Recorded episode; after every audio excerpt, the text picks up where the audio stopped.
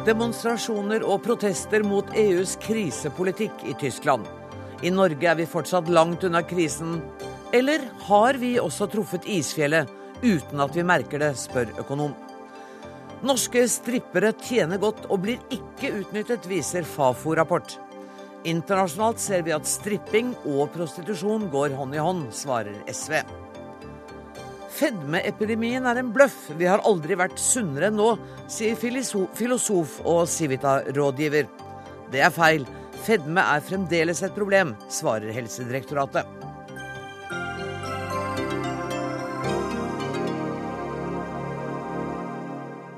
Dette er noen av sakene i Dagsnytt 18 denne fredagen, der vi også skal høre mer fra denne mannen. Jeg lever over evne, men jeg lever i vei. Ole Paus kommer når vi nærmer oss slutten av sendinga. Aller først. I ettermiddag ble det klart at Advokatforeningen frikjenner advokat Geir Lippestad for boka han skrev om jobben han gjorde som forsvarer for Anders Behring Breivik. Lippestad har fått kritikk for å ha brutt reglene for god advokatskikk. Nå sier altså Advokatforeningen at eh, det har han ikke gjort. Advokat Geir Lippestad, velkommen til Dagsnytt 18. Tusen takk. Um, var du overrasket over vedtaket i Advokatforeningens hovedstyre? Nei, det, det var jeg ikke. Eh, nå hadde jeg også sett innstillingen på forhånd, så det, det var jeg klar over. Og jeg syns det har vært en veldig god behandling i Advokatforeningens hovedstyre. Eh, en god saksbehandling hvor det har vært opptatt av å få faktum på bordet. Eh, og med det faktumet så var jeg ikke overrasket over at det ble som det ble. Du har sagt at du har vært skuffet over noe av debatten i forkant av dette hovedstyrevedtaket. Ikke bare blant advokater, men blant folk generelt. Fordi de ikke hadde faktum. Ja, og her må jeg selvfølgelig også se litt på hva kunne jeg gjort annerledes. Nettopp. Og hva kunne du gjort annerledes? Ja, altså, det, Når jeg skrev denne boken, og, og, sånn som jeg leser denne boken, og mange lesere gjør, så er jo dette en bok om verdier, en bok om det å stå i vanskelige situasjoner over tid, en bok om kommunikasjon, en bok om eh, mangfold. Blant annet, altså ikke en bok om juss eller bok om samtale mellom meg og min klient. Så, så, mitt fokus var jo rundt disse temaene. Og det er klart, når jeg nå ser hvordan debatten har eh, rast i ettertid, så kunne jeg sikkert eh, brukt en setning innledningsvis på å si noe om at jeg selvfølgelig hadde forankret det at jeg skrev bok, med klienten. Det hadde kanskje vært klokt. Og så er det jo pekt på et annet spørsmål. Altså taushetsplikten er ikke brutt. Men denne, dette diskresjonskravet da, Lippestad, gjelder ikke det uansett om saken er avsluttet? Jo da, men nå har eh, sekretariatet til Advokatforeningen vurdert dette veldig nøye, og de har ment at ingen av disse advokatetiske pliktene er brutt. Og det, det syns jeg er, eh, er bra. Eh, men som sagt, eh, man skal alltid vurdere dette veldig nøye. Men for meg handler denne boken om noe helt annet, og derfor har ikke dette vært eh, fokus fra min side, rett og slett. Og, og det er klart at det som overrasket meg med debatten, eh, det var jo at så mange sto frem og hadde så sterke meninger, advokater, uten å ha lest boka. Mm. Da syns jeg det var vanskelig å møte de, og jeg syns også det var vanskelig å komme frem med den informasjonen jeg hadde. Hvis du tar på deg hodetelefonene, så har vi kontakt med advokat Frode Sulland, som var eh, Var vel du som på vegne av forsvarergruppen i Advokatforeningen fremmet denne saken. Hvordan reagerer du på Du var ikke med på behandlingen i hovedstyret, selv om du sitter der. Eh, Frode Sulland, hvordan reagerer du på vedtaket? Nei, Forsvarergruppens uh, styre var det jo som uh, enstemmig fremmet dette. Uh, og vi tar jo selvfølgelig hovedstyrets vedtak til etterretning. Et vedtak som for øvrig altså går ut på at man ikke benytter den såkalte initiativretten. og Dermed så har man ikke hatt en full behandling av dette gjennom disiplinærsystemet i Advokatforeningen. Hva innebærer det at man ikke benytter initiativretten? Det innebærer at man ikke fremmer saken for et disiplinærutvalg, slik at den blir undergitt en ordinær behandling i vårt disiplinærsystem. Fordi at hovedstyret mente at det var det altså ikke noen grunn til etter den redegjørelsen som advokat Lippestad har sendt inn? Det er deres eh, konklusjon. Er du uenig i den? Ja, vi uh, har jo eh, fremmet et forslag med motsatt fortegn. Og Vi hadde ønsket at de prinsipielle sidene ved dette hadde blitt behandlet i sin bredde, og at man hadde benyttet initiativretten. Men er det ikke nå dokumentert at taushetsplikten ikke ble brutt i denne saken? Eh, fra forsvarergruppens styre har det aldri vært eh, eh, hevdet eller fremholdt i vår henvendelse til hovedstyret at det var problemstillingen i forhold til taushetsplikten som var sentral. Det vi tok opp, var eh, spørsmålet om eh, den eh, diskresjons- og lojalitetsplikt som enhver advokat i straffesaker skal ha overfor sin klient. Og den diskresjonsplikten har jeg nettopp snakket med Lippestad om. Du føler Lippestad at den ikke er brutt her? Ja, selvfølgelig. Fordi denne saken handler ikke om min klient. Den handler ikke om mine samtaler med min klient. Det er knapt noen få setninger hvor det er aktuelt. Den handler altså om noe helt annet. Og det som jeg syns er flott, da, for å, for å si det slik, det er jo at denne boken er det mange som har lest. Og de tilbakemeldingene jeg får, om det er fra prester eller sykepleiere eller, eller ledere, det er jo at de ser at dette er en bok om en del samfunnsspørsmål. Om, som jeg sa, verdier, om det å stå i krevende situasjoner osv. Men hvis det er det, hvorfor kunne du ikke da utelatt eh, beskrivelsene, de korte som de er, av din klient? For jeg tror det er viktig. Jeg tror det er viktig eh, å få det opp. Denne boken handler også om eh, om Norge har tatt et oppgjør med holdningene som ligger bak eh, 22.07. Og, og, de holdningene eh, må jeg kunne ha lov til som advokat å ha en oppfatning rundt. Altså holdninger om at noen mennesker er mindre verdt enn andre, altså høyreekstreme holdninger. Og det har jeg tatt til orde for, og det mener jeg at jeg som advokat kan få lov til å gjøre. I uttalelsen fra Advokatforeningens eh, hovedstyre står det også at dette må ikke oppfattes slik at man anser det uproblematisk å utgi en bok som inneholder klientskildringer, selv om klienten har gitt samtykke til dette. Vil du i fremtiden være mer varsom med denne type skildringer? Nei, men altså, jeg, jeg, har eh, Det er klart man gir ikke ut bøker om klienter. Det er svært, svært sjelden. Nå er det noen advokater som har gjort det. Eh, Norhus har gjort det, Hestnes har gjort det, og andre advokater har gjort det. Men det er i helt spesielle sammenhenger. Og dette er en veldig spesiell sak. Jeg kommer ikke til å skrive om, om andre saker jeg har hatt. Men muligens at jeg gir ut flere bøker, men da innenfor den sjangeren som jeg prøver da å, å si noe om, nemlig samfunnsmessige spørsmål. Har du gjort deg noen tanker om eh, hvorfor Anders Behring Breivik ville at du skulle skrive bok? Han har uttrykt det til deg. Ja, altså jeg har jo alltid forankret det jeg har uttrykt utad med Breivik. Jeg ble jo veldig ofte kritisert i innledningsvis i saken på måten jeg eh, kommenterte og måten jeg omtalte ham på. Og enkelte forsvarere sa at det går ikke an. Og når, når Breivik vil høre dette, så vil han, vil han sparke deg. Men men dette er selvfølgelig alltid forankret hos han. Hvorfor han uh, ikke har noe problem med at det skrives bok, det vet jeg ikke. Han har uh, sine tanker om det, men, men uh, de er veldig fjernt fra mine. Frode Sulland, da er punktum satt vel for denne saken, eller kommer forsvarergruppen til å gjøre noe mer? Nei, Vi tar som sagt dette vedtaket til etterretning. Det er prinsipielle og grunnleggende spørsmål knyttet til klienters uh, tillitsforhold til sine advokater, som da ikke får den belysningen som vi uh, kanskje hadde tenkt var uh, formålstjenlig. Men, men, vi går jo ikke videre med dette. Tusen takk for at dere deltok i Dagsnytt 18, Geir Lippestad og Frode Sulland. Takk for at du kom. Takk.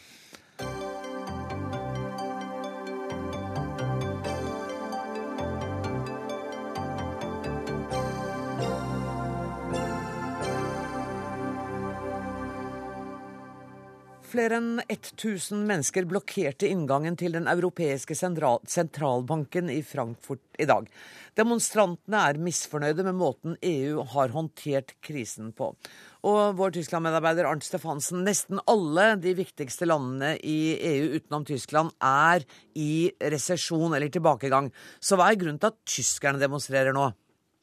Vel, nå er det jo en liten gruppe, dette her. Som du sier, det er eh, ja, kanskje et, et, sted mellom 1000 og 3000 demonstranter som har deltatt. Eh, og dessuten så er det jo ikke på vegne av tyskerne de demonstrerer. Det er jo en harme over denne europeiske krisepolitikken som ligger til grunn for dagens aksjon i Frankfurt.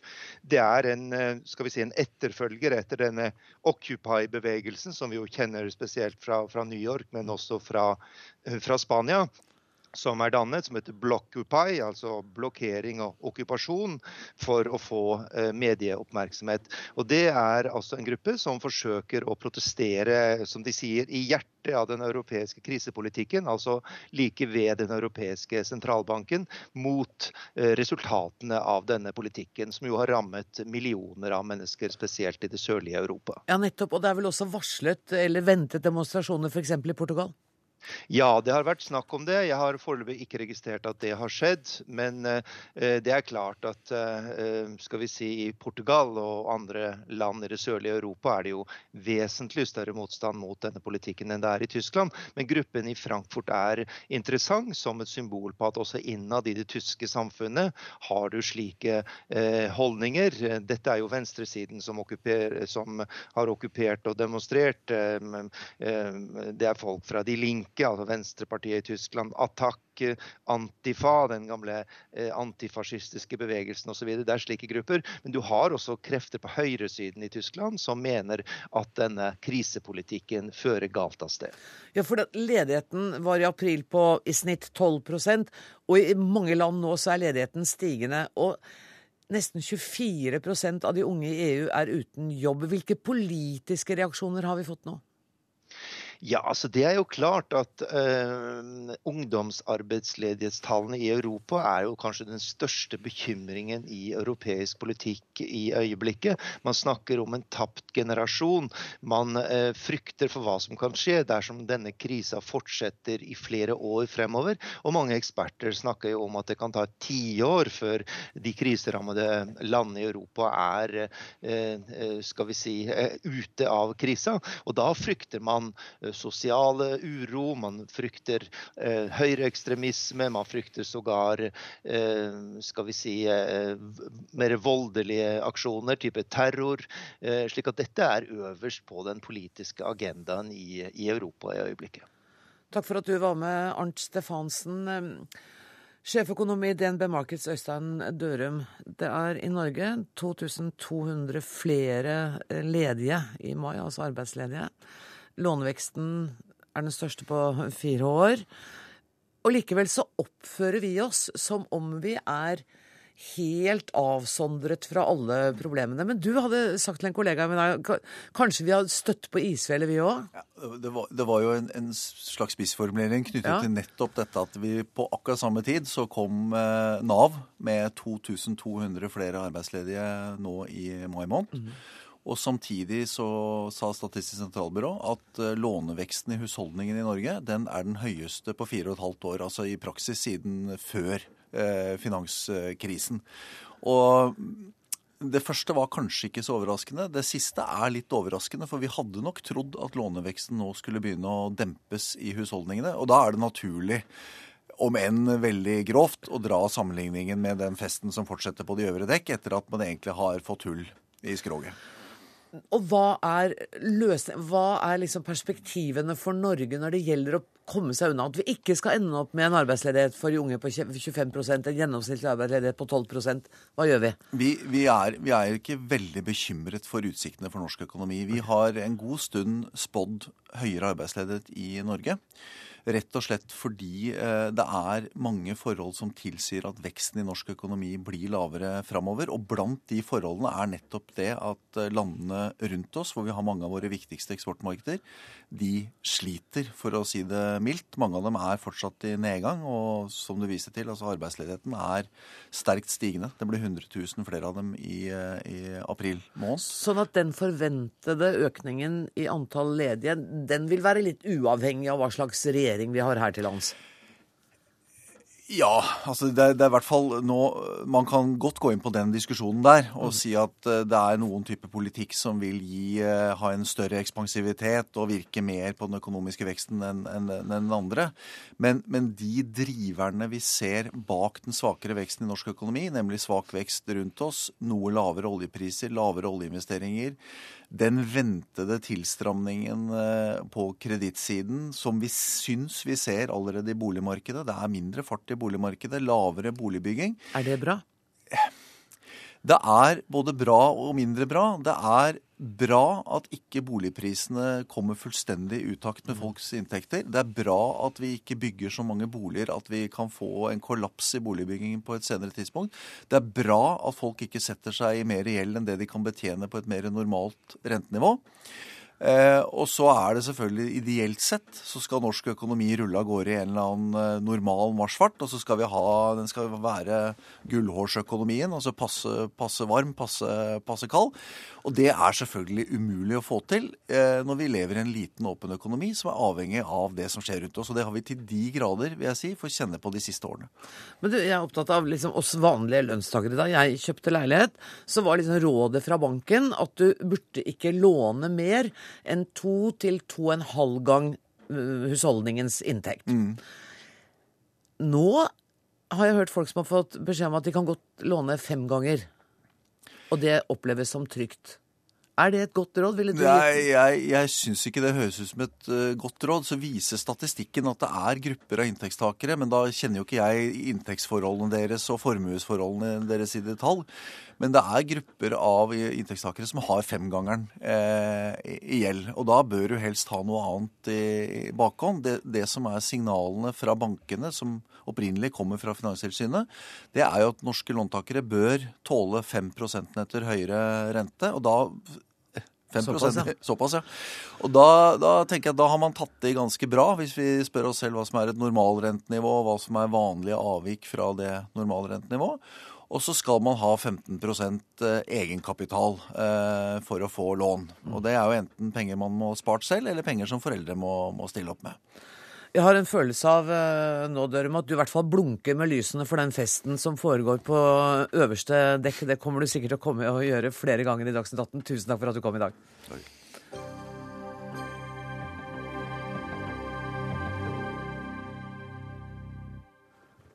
Kvinner som stripper i Norge er ressurssterke, de tjener godt, og de blir ikke utnyttet. Det viser en ny Fafo-rapport. Rapporten ble bestilt i 2011, da SV-leder Audun Lysbakken var barne- og likestillingsminister. Og forsker i Fafo, May-Len Skilbrei.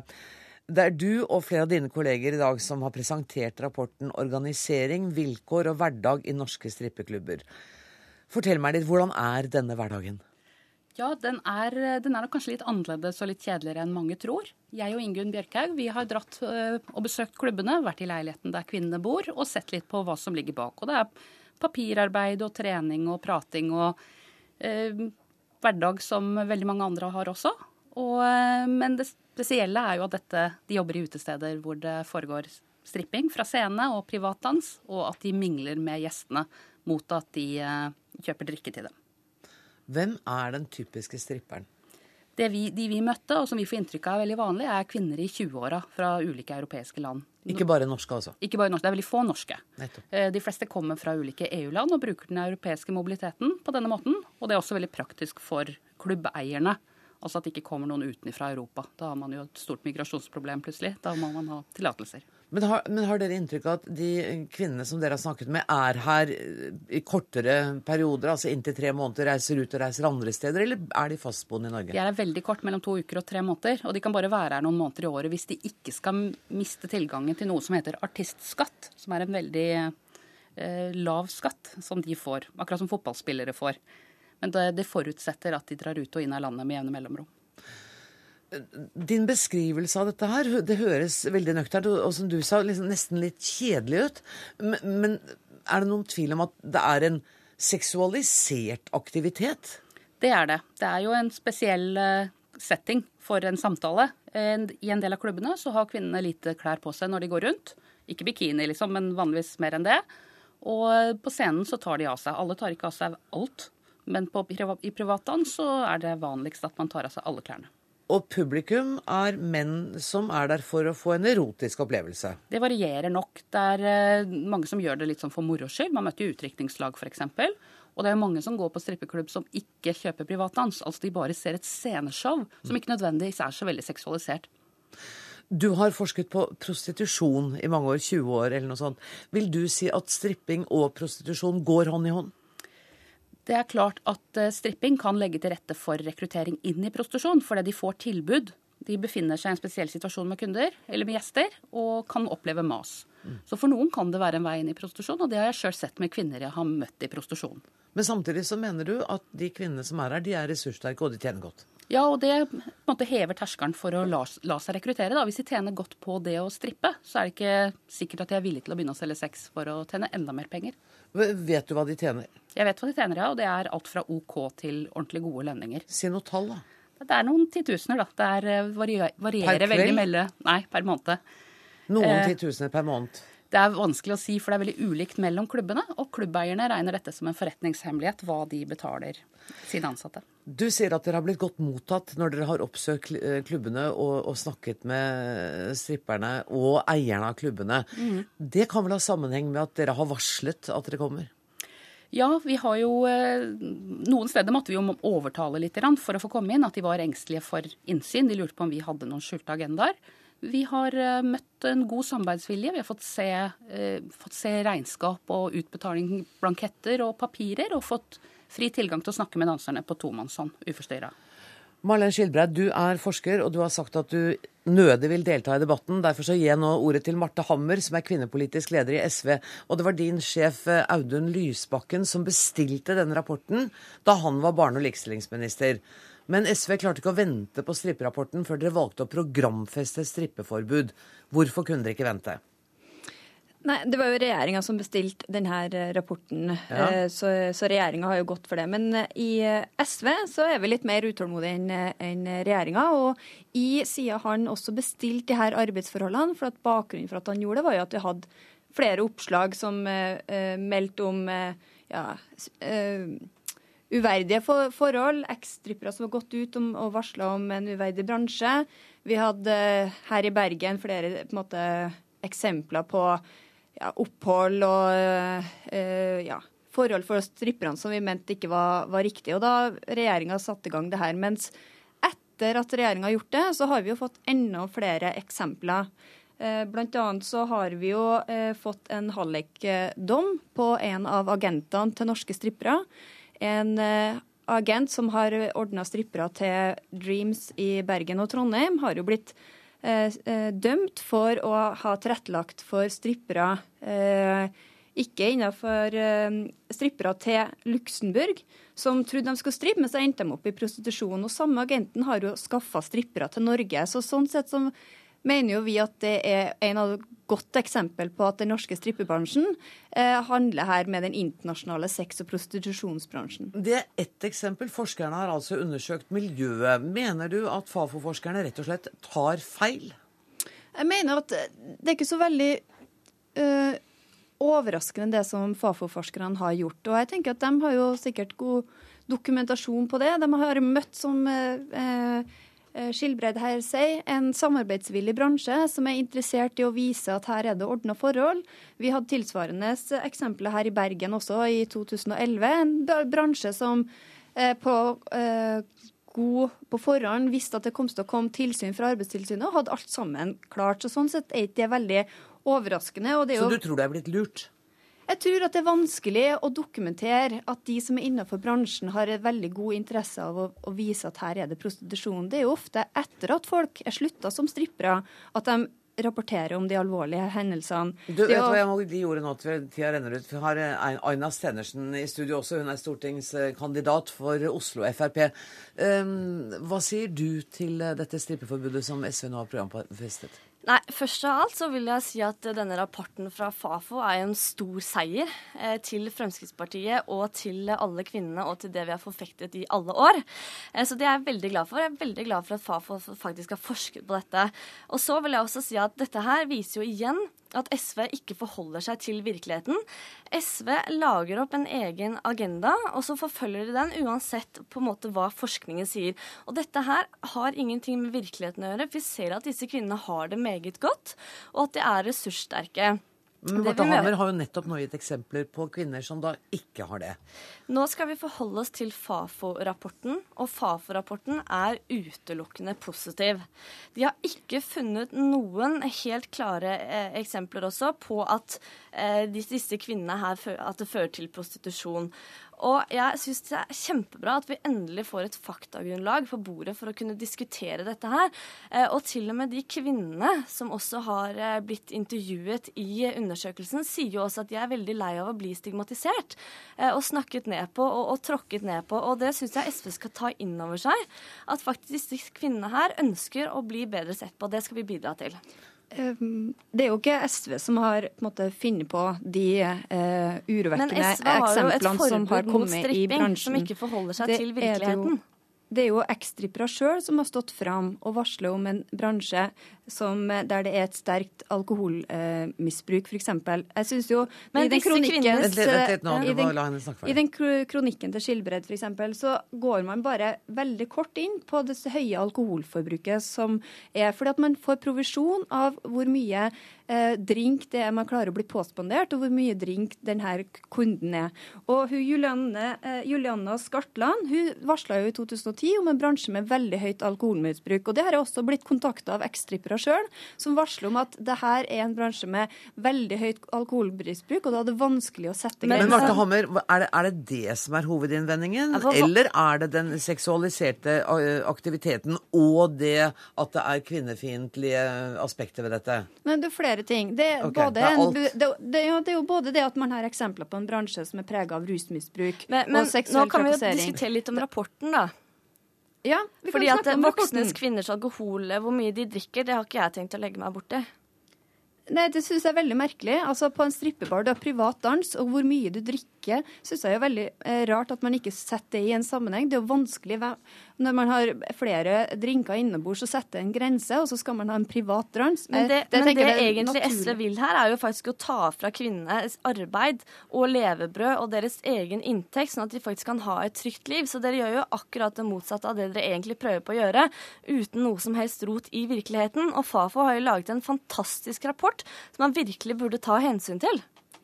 Eh, alkohol, det er en hel del alkohol, men også er det det at den eh, Skilbred sier jo også her at vi vet ikke nok om hvordan agentene opererer, og har ikke sett nærmere på hvordan agentene opererer. Så vet vi at vi har tilfeller der norsk, de som eh, ordner strippere til Norge og men, men Så du ønsker ikke å ta inn over deg noen ting av de positive tingene som FAF-rapporten kommer med? Det er jo ganske Pro underlig, da. Programleder, kan jeg få fullføre? Ja, vær så god. Men du, du har lange svar, så kom igjen, fullfør den setningen. Ja, at uh, agent vi har jo eksempler på agenter som eh, eh, formidler strippere til Norge, og som er en del av den internasjonale prostitusjon- og sexbransjen. Og da er det jo rart at man ikke går nærmere inn på det når man skal se på strippeforbudet og strippebarene som sådan. Det har du nettopp sagt. Vet du hva, jeg tror eh, kjære venner, at vi kommer ikke lenger i dette. Jeg lurer på om ikke også forskeren hadde litt lyst til å delta i denne debatten. Ja, det var veldig fristende. Det er mange ting jeg gjerne ville svare på, men jeg Det blir en annen gang. Tusen takk for at dere kom, May Lenne Skjelbreid, Marte Hammer og Aina Stenersen. Hør Dagsnytt 18 når du vil, på nettradio eller som podkast. nrk.no – dagsnytt 18.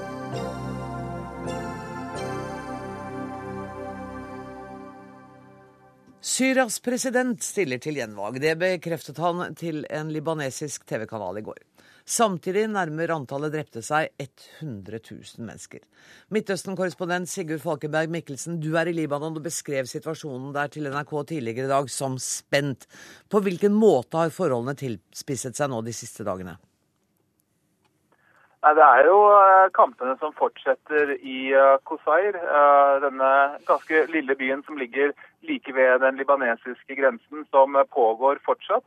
Eh, med da aktiv deltakelse fra Hizbollah, den, eh, den mektigste organisasjonen eh, her i Libanon, som også dominerer det politiske landskapet. Og jeg har i dag vært i grenseområdene like ved Kosair sammen med Hizbollah-folk og, og, sett hvordan kampene raser der inne.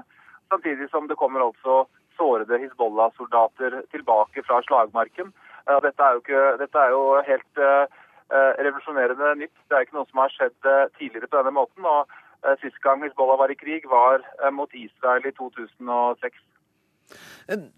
Hvorfor er denne byen Kosar så viktig? Det er to ting. Altså for det første så har den en praktisk betydning.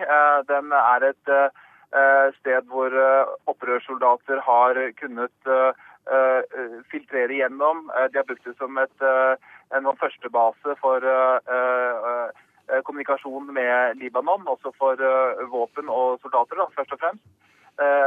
og så ligger den da mellom Homs og Damaskus. og Bashar al-Assad og regjeringen er innstilt på å få kontroll over hovedveien. Det er én ting, men jeg tror nesten like viktig er propagandabiten i dette her. Bashar al-Assad har behov for å vise at han handler, at han klarer å få en eh, seier. Eh, først og fremst kanskje overfor eh, sine egne, men også for sine internasjonale eh, støttespillere foran eh, Genéve-forhandlingene. Assad har også kommet med en advarsel til eh, Israel. Hva gikk den ut på? Nei, Han sa i dette TV-intervjuet med Almanar, Hizbollahs TV-kanal, at de ikke ville At det var et folkelig press for å åpne en ny front på Golanhøyden og et par sånne ting. Eh, jeg tror ikke det er så mye realisme i. Eh, det kan selvfølgelig eh, være en mulighet for det, men verken Assad eller Hizbollah tror jeg har kapasitet til å håndtere en, en ny eller en åpen konfrontasjon med israelerne. De har mer enn nok med det som foregår inne i Israel. Eh, inne, beklager, inne i Syria. Men, men, det er klart at eh, det er viktig for Assad å uh, fortsette å legitimere seg som en del av det iranerne og Hizbollah er opptatt av å kalle motstandsaksen mot Israel. Takk skal du ha, Sigurd Falkenberg Mikkelsen, statssekretær i Utenriksdepartementet. Torgeir Larsen, velkommen hit. Um, Russland og USA planlegger en fredskonferanse for Syria i juni. Hvilke forventninger går det an å ha til den konferansen nå? Eh, det er en konferanse som vil være noe helt nytt. Eh, faktisk fordi da USA og Russland, som sitter på hver sin side i Sikkerhetsrådet, som har vært lammet nå måned etter måned etter måned, står sammen om det initiativet. Hva som kan komme ut av den konferansen, eh, hvis man nå får den i gang, det er jo å håpe at det er begynnelsen på en prosess. For det vi ser enda tydeligere i dag enn bare for noen måneder siden, er at det finnes ikke noe militær løsning eh, på den krigen som nå raser. Eh, det må en politisk eh, løsning til. Men, men dette at EU nå har opphevet våpenembargoen. Så sa du til Dagsnytt 18 sist tirsdag at Utenriksdepartementet kan forstå at EU har gjort dette. Men bidrar ikke denne opphevelsen av våpenembargoen bare til ytterligere lidelse? Jo, jeg sa også at flere våpen inn i, i Syria Eh, skaper flere dilemmaer enn det løser problemer. Eh, derfor så eh, er ikke vi på noen som helst måte bak den beslutningen. Det er også stor uenighet internt i EU. Mm. Men det er også et uttrykk for at, den, at, at altså, situasjonen er så vanskelig. Det flommer våpen inn allerede. Og når debatten da kommer, så er det noen som mener at det er riktig, mens mange mener det ikke. Vi som Norge Eh, er helt krystallklare. På at det ikke er riktig? Ja, og vi har et eh, regime for eh, våpeneksport selv som gjør det helt uakseptabelt. Altså vi kan ikke og vil ikke fordi vi mener det er feil. Men, men den britiske utenriksministeren William Hague sa jo, du har sikkert sett det på TV også, hvor han, hvor han argumenterer for dette ved å si at det er helt urimelig at uh, den syriske befolkningen skal bli bombardert av alle mulige tenkelige våpen som fins, uten å ha noen mulighet til å forsvare seg. Det er masse våpen som kommer inn. Eh, og når eh, den britiske utenriksministeren sier det, eh, så reflekterer han også en desperasjon og et syn du møter når du er inne i Syria, eller på grensen til Syria, hvor jeg møtte opposisjonen for en uke siden. De ønsker jo det. Men for et land som Norge f.eks. Å tenke på våpen inn i en borgerkrig For det første så bryter det med, med, med grunnleggende altså prinsippet vi har etablert for oss sjøl. Eh, og for det andre så vil vi ikke ha noe kontroll på hvor de våpnene til slutt havner. Eh, I et eh, tilnærma altså kaos i deler av Syria. Nå er det et land som USA, Storbritannia, Frankrike et større land enn en Norge i, i så henseende. Men jeg forstår at debatten, væpning, er der, for desperasjonen er stor. Men det er veldig vanskelig å se at problemet i Syria i dag er mangel på våpen. Det er store andre problemer som er mer prekære. Jeg begynte med å spørre deg hva slags forventninger det går an å ha til denne planlagte konferansen. Kan vi, liksom, der, kan vi prøve å ende på en litt lysere tone? Er det mulig å ha noen forventninger? Absolutt. Eh, det vil være en, en start eh, på en prosess. Blir man enige om en vei eh, hvor USA og Russland, som har stått mot hverandre i Sikkerhetsrådet, er med på å stake ut en kurs mot en politisk løsning der ute i horisonten en eller annen gang, mm. så har man faktisk kommet et skritt videre, og et mye større skritt enn man har vært i stand til det siste eh, halvannet året.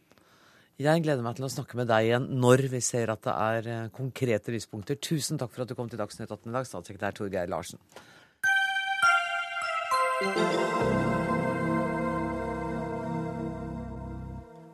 Vi er tykkere enn tidligere, men det påvirker ikke nødvendigvis helsa vår. For ifølge deg, Lars Svendsen, filosof ved Universitetet i Bergen og rådgiver i Civita, så har vi aldri vært sunnere her til lands enn vi er nå.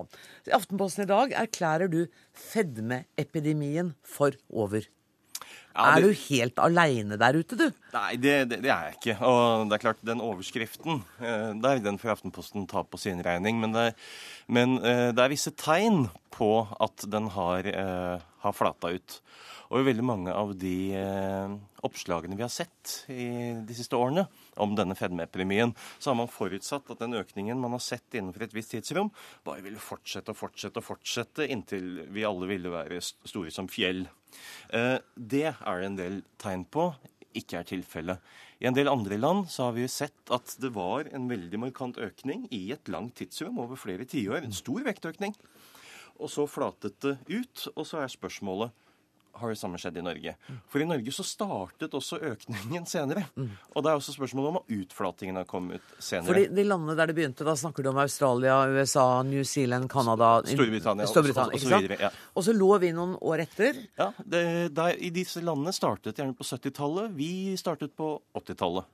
Og i disse landene så har, er det nå uh, statistisk signifikante tall som tyder på at det, at det har flata ut. Ja. Eh, Vi er ikke kommet er, helt dit ennå. Nei, altså det er studier som mm. peker i alle mulige retninger her. Altså Hele dette fedmekomplekset ja. er beheftet med ekstremt stor usikkerhet, så alle svar skal tas med en stor klype eh, salt. Men vi har f.eks. også denne barnevektundersøkelsen i Norge, mm. som også da kan tilsi at økningen har stoppet opp her. Så du kan si at Det jeg forsøkte å gjøre med dette notatet, da, det var egentlig å besvare noen spørsmål. Det ene var hvor stort er problemet? Mm. Øker det fortsatt? Er det slik at det påfører oss en hel masse helseutgifter? Og for det fjerde da, hva er i så fall de helsepolitiske implikasjonene av svarene på de tre foregående spørsmålene? Det var det jeg hadde satt meg for å gjøre her. Men hvorfor? Hvorfor dette engasjementet for dette spørsmålet? Oh, ja, altså, jeg, er, jeg, er, veldig opptatt av begrepet om normalitet. Om hva slags rammer vi setter for menneskelivet, for hva som er greit og hva som er ugreit osv. Tidligere så har jeg holdt på mye med eh, psykiatrisk diagnostikk. Eh, men det er også veldig mye å ta tak i i den somatiske medisinen. Og dette her er et felt eh, hvor det er veldig mange sterke påstander om hvilke konsekvenser dette har for folkehelsen. Vi får også høre ting som at, dette, at, barn som vokser opp nå, kanskje blir den første generasjonen som dør yngre enn sine foreldre pga. fedmeepidemien, hvilket for øvrig er fri spekulasjon, og det er ikke et fnugg av evidens for en sånn påstand, selv om vår helsedirektør har uttalt det. Uh, og vi lever lenger. Folk lever lenger i Norge enn de har gjort noen gang tidligere. Vi lever lenger, vi lever sunnere. Kostholdet vårt går i veldig riktig retning. Det er mer frukt, det er mer grønt, det er mindre sukker. Kaloriinntaket vårt i dag er lavere enn det var i 19, uh, 1980.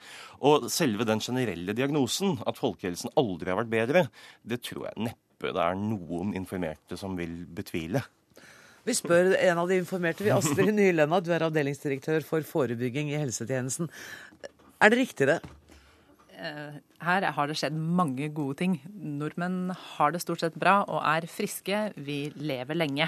Eh, og vi tar med alle gledelige nyheter på veien. Det, det, er, som det blir sagt her, det er mange positive trender i norsk kosthold. Det er mange ting.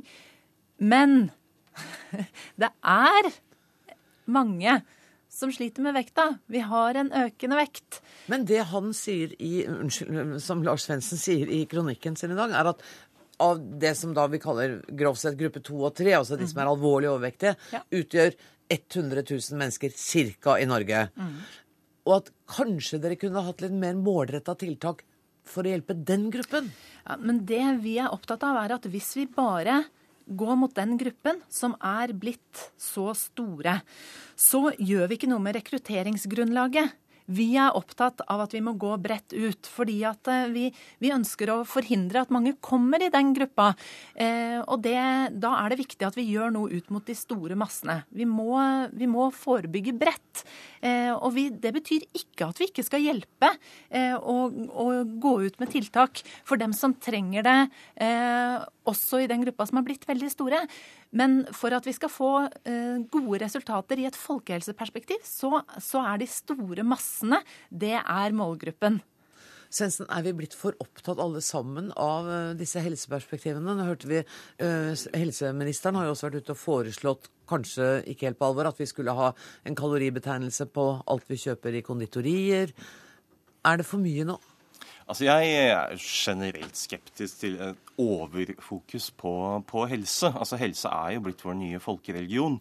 Og gitt hvor god helsetilstanden er, så kunne vi nok ta det mer med ro så tror jeg også at en del av de mest alarmerende påstandene her gjør for mange mennesker litt for engstelige. Mm. Eh, F.eks. da folk som kategoriseres som, som, overvektige, hvor det jo er en god del empiri som tilsier at de faktisk har en lavere dødelighet, altså de lever lenger enn de som plasseres i kategorien for normalvektige.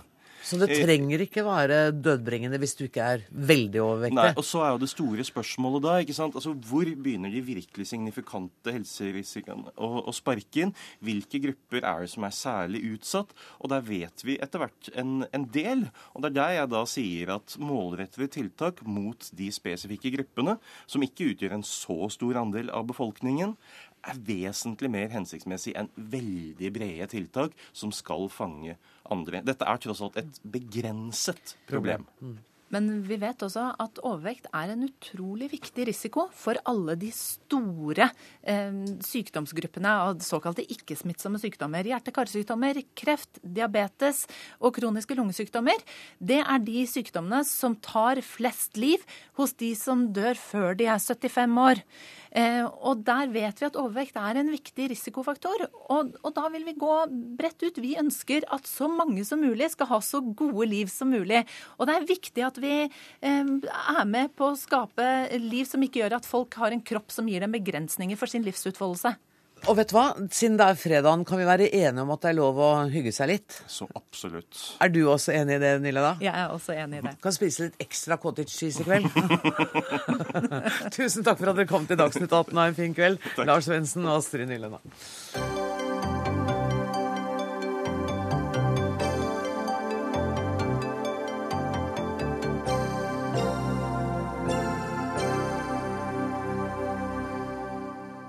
Vi skal snakke om eh, politi. For Politiets Fellesforbund fastholder at politifolk skal pensjoneres når de er fylt 57 år.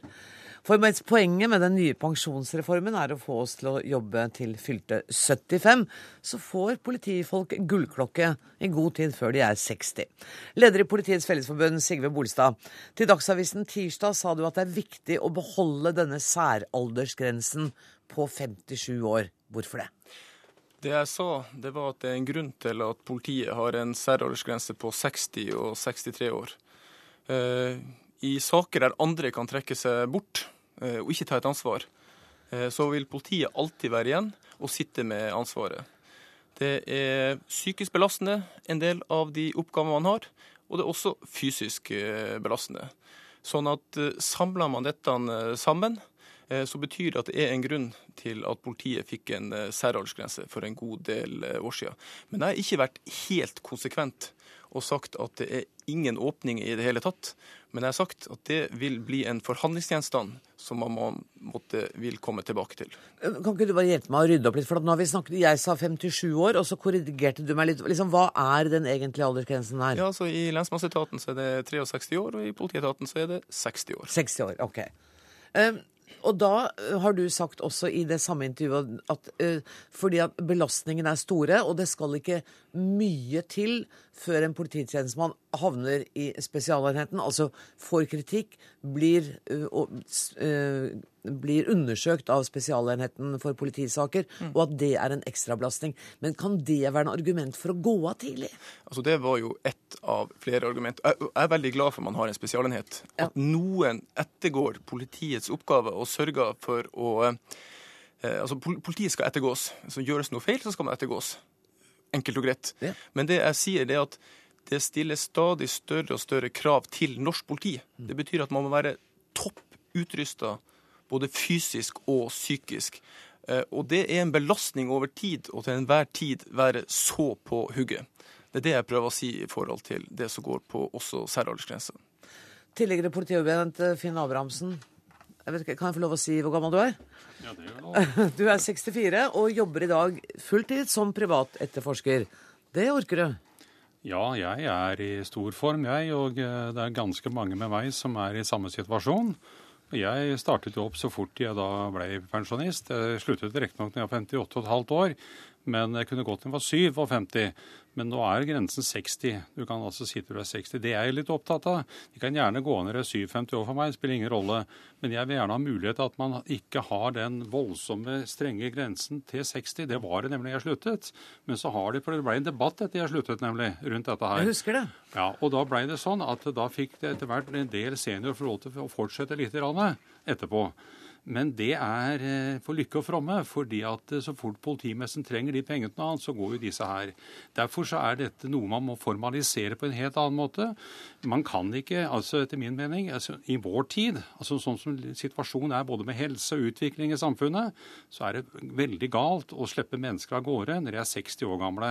For, er, og denne regelen om særaldersgrensene, den, så vidt jeg klarte å finne ut, så er den fra 1952. Den er altså 60 år gammel. Og det har jo skjedd noe Bolstad også med måten å jobbe på, med helsa til polititjenestemennene.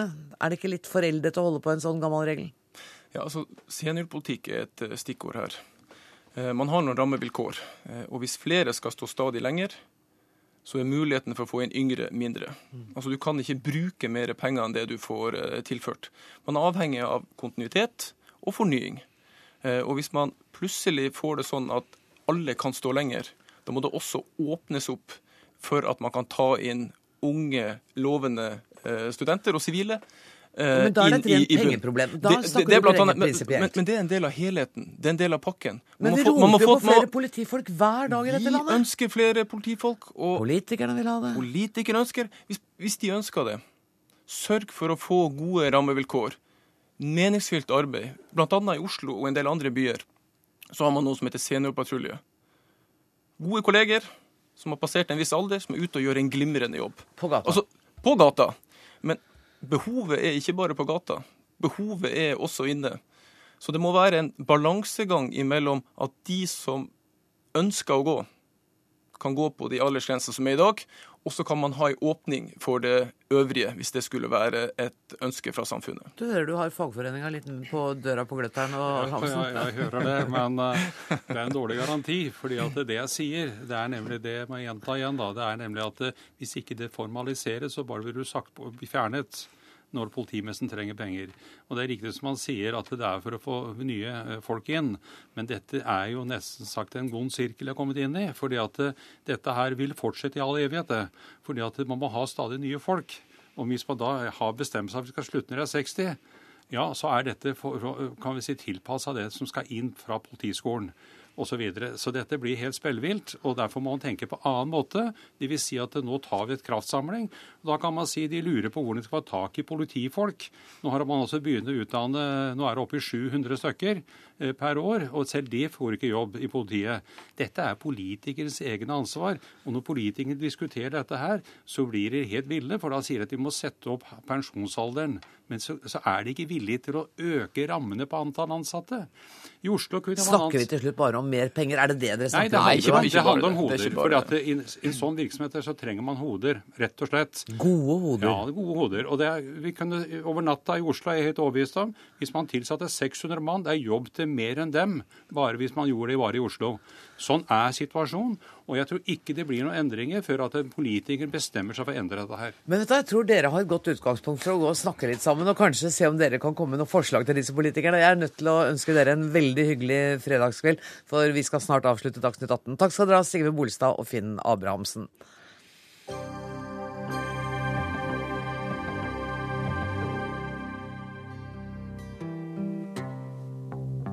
Se, det er langt på dag. Det du var, er bak deg. Du er blant venner, sett deg ned nå. Se, det er langt på dag. Det du var, er bak deg. Du er blant venner, sett deg ned.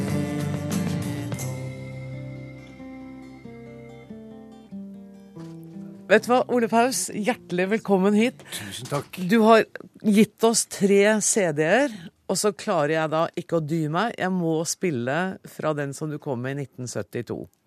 Var, var det meg som sang der nå? jeg syns det lå som Wenche Myhre. Det, det er så flott. Det var deg fra 1972. Og vet du hvorfor? For jeg syns at den låta 'Sett deg ned' nå Jeg syns tematisk at du er litt der igjen i disse nye CD-ene dine. Ja, har, har du fått anledning til å høre på dem? Selvfølgelig har Nei, jeg. snill, det, ja, det, Hva det, er- bruker man fritida si til? Det er ikke lite å be om et menneske, fra et menneske det at du skal høre på 30 sanger i rekkefølge. Det, det, er, det er mye. Vet du hva, jeg har mye fritid. Ja, det går helt fint. Ja, altså, likte du det? Veldig godt. Og jeg er jo Ja, jeg må innrømme at det er særlig den siste CD-en, som avslutning, som griper meg. Men, og jeg, jeg har lyst til å snakke med deg, mulig at du syns dette er ubehagelig, men jeg tenker at helt fra 1972 til nå, Ole Paus, så har det handlet om oppbrudd. Ja, det har det. Ja, det har vært mye oppbrudd i livet mitt. Det har det. Mm. Og mye hjemlengsel. Og de to tingene går jo ofte hånd i hånd, da. Hvorfor er det et tema du dveler sånn ved? Nei, det vet jeg ikke. Altså, det, det er, det, er um, det, det har jo vært, eh, vært en veldig viktig del i livet mitt, alle de oppbruddene jeg har hatt. Og, og um, jeg har vel ikke vært så spes spesielt god til å leve dette livet, tror jeg. Jeg, jeg, har, eh, jeg tror jeg har gjort mye som jeg kunne gjort bedre, og i hvert fall annerledes. Men det har gått bra til slutt, da. Når du sier at det er en avslutning, Ja. hvor alvorlig skal jeg ta det? Helt bokstavelig. Virkelig helt fullstendig bokstavelig. Og, og, den er jo varslet over lang tid. Jeg har jo sagt fra i mange år at dette blir det siste jeg skal gjøre. Og, og, og jeg, ble, jeg ble så glad da jeg, da jeg fant den formen på det. At det skulle bli sånn gammeldags cowboyfilm. Liksom, sånn med, med oppgjøret og omfavnelsen og avslutningen.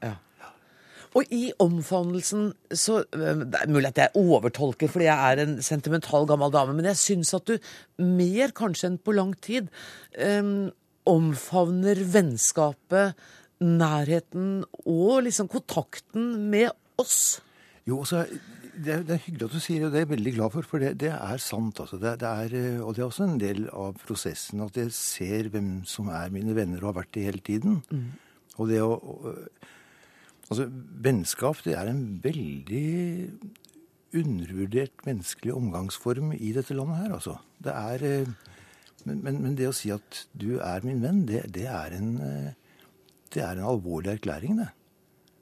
Og, um, og jeg, jeg er glad at jeg har kommet dit i livet mitt at jeg kan si det. At uh, du, du er det. Og du har til og med fått nye venner etter at du var med i TV-programmet Hver gang vi møtes, som du jo var skeptisk til. Ja visst. Og som jeg var overrasket over at du stilte opp på. Ja, ja jeg, jeg, det er så rart. Vi, vi, vi, I mangel av vennskap så bruker vi da fordommene da, som kompass når vi skal orientere oss i menneskeheten her i landet. Og noen ganger er det trygt, vet du. Å Ja, det bruke er fordommer. Veldig trygt Ja. inntil, inntil du treffer dem og ser at du har, ser at du har tatt feil. Ikke sant? Altså, ikke sant? Og det, jeg, jeg opplever jo det veldig er hver gang vi møtes. For, jeg, for jeg, jeg så på mange av dem som veldig arrogante og fjerne, og jeg skjønner ikke hva jeg kan snakke altså sånn. Og så viste det seg at jeg tok jo feil, og jeg, ble jo den ivrigste klemmeren av alle. Altså, jeg var verre enn Stoltenberg. Jeg klemte alt jeg så. Jeg. Du, øh, jeg sa dette med oppbrudd og, og hjemlengsel, men, men også denne inderlige, poetiske tonen uh, som er kanskje i avslutningen særlig. Vi skal høre bitte litt grann til slutt. Men så tenker jeg, åssen er det mulig? Den kyniske, kalde ironikeren Ole Paus lever i samme kropp som denne inderligheten og poeten. Jo, men jeg, jeg, jeg, jeg har jo aldri levd noe annet liv, så jeg tror det skal være sånn. Altså det, det er, for, for meg så er, det ikke noe skille der. Det er, det er jo Men, men eh, bare bruke en klisjé, da, dette med, med at, at du har både knyttnevesiden og, og håndflaten i en hånd.